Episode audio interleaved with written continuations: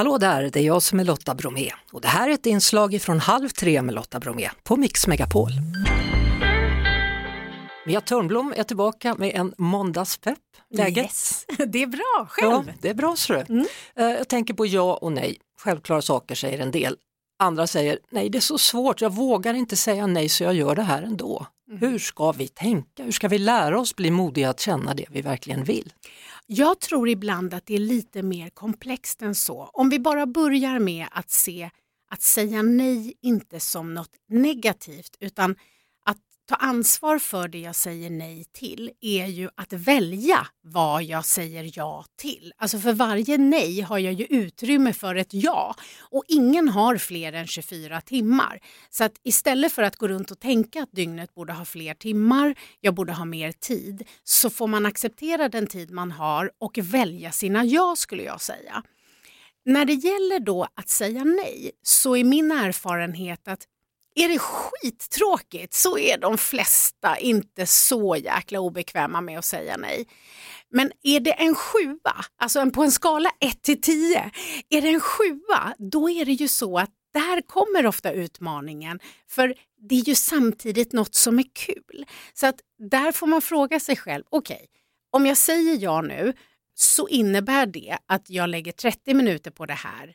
Vill jag välja att göra det. Så jag tror att ibland handlar det om att träna sig och ett första steg kan ju vara att man från och med nu när man får en fråga säger kan jag återkomma? Jag måste tänka på saken. Att man inte bara, för ibland är det impulsivt, för i stunden, till exempel om jag har haft en utbildning eller en föreläsning så är jag full av energi och allt är möjligt. Om det då kommer någon och möter upp mig så här, när jag går av scenen och säger skulle du kunna komma till Norrland, vi skulle vilja ha dig där i tre dagar.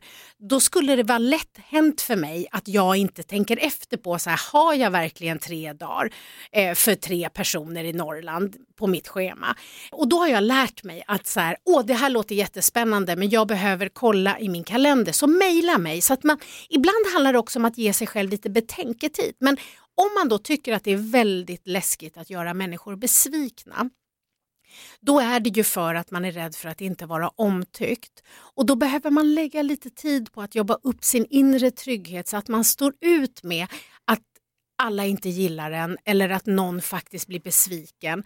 För vi måste ta hand om oss själva först. Om vi inte gör det så är risken att vi kraschar till slut och då kan vi inte finnas till för en enda. Så det handlar om att vara lite förtänksam och att vara klok nog att ge sig själv det man behöver för att kunna finnas för andra.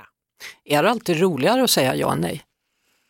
Alltså kortsiktigt så är det ju kul. Det, mm. så, om någon kommer, ja vad kul så, men sen efteråt så här, oj vänta, innebär det det här och det här?